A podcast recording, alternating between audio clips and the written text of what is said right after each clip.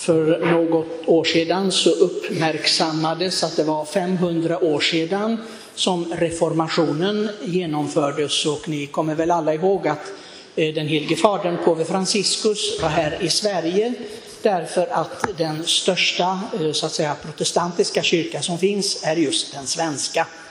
Jag trodde att den var i Tyskland men så är det väl tydligen inte utan de är uppdelade i flera olika eh, samfund.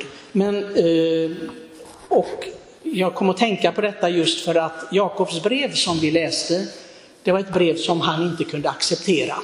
Han kallade Jakobs brev för halmbrevet, det vill säga ett brev utan något värde. Han var rädd för det, det som aposteln Jakob säger, att tro utan gärningar är värdelöst, för han ansåg att man skulle missförstå detta och tro att bara man hade de goda gärningarna så var allting fixat med Gud. Och så är det naturligtvis inte. Och man måste ju förstå den gudomliga uppenbarelsen i sin helhet, vilket kyrkan gör. Och vi eh, eh, saxar och klipper inte som vissa andra gör, utan man tar helheten. Och kyrkan har ju också uppdraget att förklara hela sanningen så som Herren har lovat kyrkans företrädare, biskoparna, det vill säga apostlarna. Men vad är det då med denna tro och gärning? Vi förstår att om en kristen människa som tror på Kristus inte har ett vittnesbörd och gärningarna så är det inte mycket att ta på. Man måste förstå att den här personen är kristen. Jag själv först och främst måste förstå det. Och jag ser att min tillhörighet till Kristus och efterföljelsen har med honom att göra. Att det är verkligen så. För vi förväntas ju anpassa våra liv efter Kristi liv, inte tvärtom. Och evangeliet som kyrkan har parat ihop med den första, denna läsningen med, från Jakobs brev, så frågar Jesus, och det är fundamentalt då för att vi ska kunna leva evangeliet, vem säger ni att jag är? Och svaret på den frågan, det är, det är fundamentalt, det är viktigt. För eh, om jag bara svarar ja, Jesus, vad är han för någonting för mig? Han är en symbol, han var en god människa, han gjorde gott mot andra och så. Och eh, det är ju inte ett uttömmande svar. Petrus får som vanligt svara. Han svarar i hela kyrkans namn.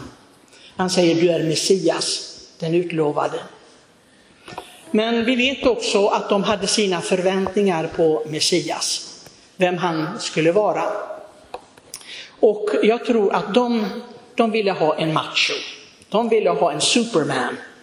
Det är det som de förväntade sig, inklusive Petrus. Och vi vet att en av dem var så besviken att han lämnade, han, han övergav Jesus inte bara utan han förnekade och överlämnade honom åt fienden, Judas Iskariot. Så besviken var han. Man ville ha en Gud som kommer ner men en stark. Och det är ju många som tycker det, att, att man ska vara oövervinnerlig, då är man någonting. Men Gud hade helt andra planer. Gud ville visa sin kärlek genom att komma ner till oss som en människa. På människors villkor. Ja, han visade naturligtvis att han var Gud när han uppväckte döda, så det är ingen av oss som kan göra det. Eh, bota sjuka, det, det finns en hel del som kan göra det, men, men i vanliga fall, det är inte så många underverk som är så påtagliga som han gjorde, men gjorde som Gud. För att bevisa att han också var Gud. Men som sann människa så befriade han sig inte och vill inte ta avstånd från det lidande som många människor går igenom på jorden. Det, om inte det är en bevis på Guds kärlek så vet inte jag vad. Han ville komma ner under samma villkor. Gud som ville se människan i ansiktet och han vill inte höra någon människa säga, men du vet väl inte hur vi, vad vi går igenom? Du, du vet, vad vet du om lidande Gud? Du sitter där i himlen, var det nu är någonstans, och, och liksom över oss och ser ner. Nej, efter människoblivande kan vi inte säga det. Därför att Gud är med oss. Och det är just det som är det namnet som Gud genom uppenbarelsen vill ge, Emanuel, Gud med oss. Och det är det det betyder. Att vi kan komma med allt det vi går igenom till Herren och säga, du vet, du vet. Och aposteln Paulus säger liksom att det är min stolthet. Kristi kors är min stolthet. Det är det, det, är det jag har att, liksom, att förankra mig hos och att jag kan acceptera mitt eget liv på det viset. För Gud själv har accepterat de mänskliga förhållandena i sin helhet. Ibland så finns det de som har en, jag tycker en kanske underlig andlighet, spiritualitet. När jag gick i kloster och jag räknade ut att det är 41 år sedan nu, så den andra dagen jag kom in i klostret så kom det en av bröderna in med två tygpåsar. Och eh, så säger den här brodern, du får välja. Ja, vad är det i påsarna då? Jag förstod ju att det inte var godis.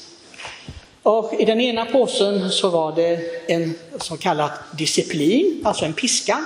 Den var av metall. Och den andra, den var av tyg eller en slags rep. Och naturligtvis jag valde repversionen.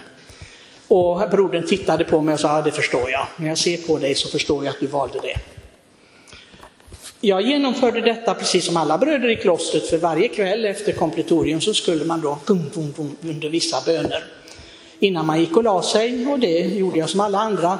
Men jag måste säga att jag hade ett visst inre motstånd mot det. Jag tänkte det hade varit bättre om man hade accepterat varandra lite bättre. Visat varandra lite mer tolerans och kärlek. Det hade varit bättre än att stå och piska sig, för jag tycker sådana här symboler för mig är fullständigt meningslösa. För mig är de det. Jag har gått igenom det i klostret, jag har levt det. Men jag upplevde sen senare också att det finns de som fastar, de har vissa fastedagar, de har vissa traditioner för sig för de ska göra bot och allting. Och det är bra. Det är väldigt, väldigt bra. Men vad hjälper det om man sen är intolerant mot sin nästa och inte kan eh, acceptera sin nästa, inte visa kärlek mot sin nästa? Det, det är ju meningslöst. Fullständigt meningslöst. Ja, jag vet att jag tjatar om detta, ni som kommer hit på högmässorna och hör mig. Jag tjatar om detta därför att för mig är detta evangeliet. Jag står inte här för ros skull.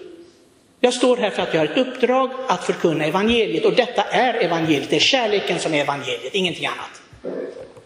Det är Gud som visar sin kärlek mot oss, han som har förlåtit ända in i döden. När de spikade fast honom på korset, Fader förlåt dem, för de vet inte vad de gör. Men är vi på samma sätt? När vi går omkring och ruvar på saker och ting där människor har sagt till oss och gjort oss och jag vet inte vad. Är, det, är detta evangeliet, att leva i Kristi efterföljd? Det är det ju inte. Det är det absolut inte. Och här måste vi förändra oss. Och Jesus säger att dö bort ni måste dö bort från detta. Om någon vill gå i mina spår måste han förneka sig själv och ta sitt kors och följa mig. Och det är ju just det det handlar om, inte hitta på kors, inte hitta på lidanden, inte hitta på botgöringar. Utan den största är accepterandet av sig själv som man är och acceptera sin nästa, alla andra människor som de är. Det betyder inte att vi inte får säga till att den andra gör fel, det, det är en helt annan sak. Men kärleken till vår nästa måste finnas där. Finns inte denna kärleken där jag vill alla människors frälsning, vad finns det av evangeliet då i mig? Ja, jag kan ge bröd åt de hungrande och klä de nakna och göra de här gärningarna. Men då har ju Luther också rätt i så fall. För sådana här gärningar är döda om vi inte har tron. Och aposteln Jakob säger ingenting annat heller. Du måste ha den. Tro, tro är förknippad med kärlek. När jag ser med förakt eller likgiltighet på andra människor runt omkring mig, då har jag inte evangeliet inom mig. Då, då är det misslyckat. Men det vill vi ju inte. Vi vill inte misslyckas i våra liv, eller vill vi det? Och det här är det största uppdraget som vi människor har, att leva i Kristi efterföljelse. Vi som är döpta, det är den största uppgiften, den viktigaste uppgiften vi har. Och att vi inte gör fel här.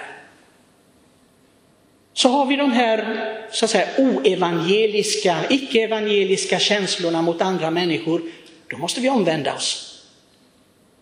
Jag måste ha den här barmhärtighetens känsla för varje människa jag möter i mitt liv. Det, jag, jag, tänker på många äktenskap där det inte finns en sån fullkomlig kärlek. De borde ju vara experter på fullkomlig kärlek. Denna fördragsamhet och liksom och ge ett vittnesbörd om detta. Och vi i kloster också, vi försöker här i vårt kloster, jag, vad som Pater Rafael säger, jag är så glad att komma till ett kloster där man aldrig bråkar. Jag sa till dem, vänta du bara. Men det ska vara så. Det ska vara så, det, det ska vara det, det som vi strävar efter. Sen får vi ha alla fromheter för oss som vi vill.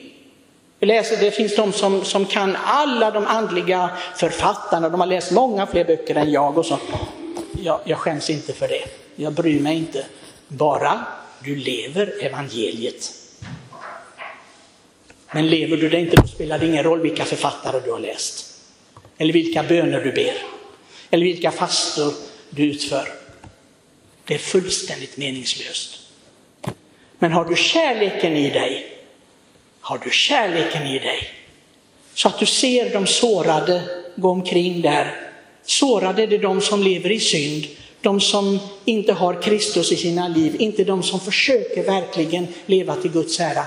Och har du barmhärtighet för de människorna och säger den här människan ska jag verkligen be för. Och jag liksom ger ett leende till den här människan. Människor som jag kanske ville slå en stekpanna i huvudet på, istället ge ett leende. Övervinna mig själv, övervinna det som jag tycker är naturligt. Ja, då är Kristus med mig. Då lever jag med Kristus hand i hand. Låt oss göra det, för det är det vi är kallade till.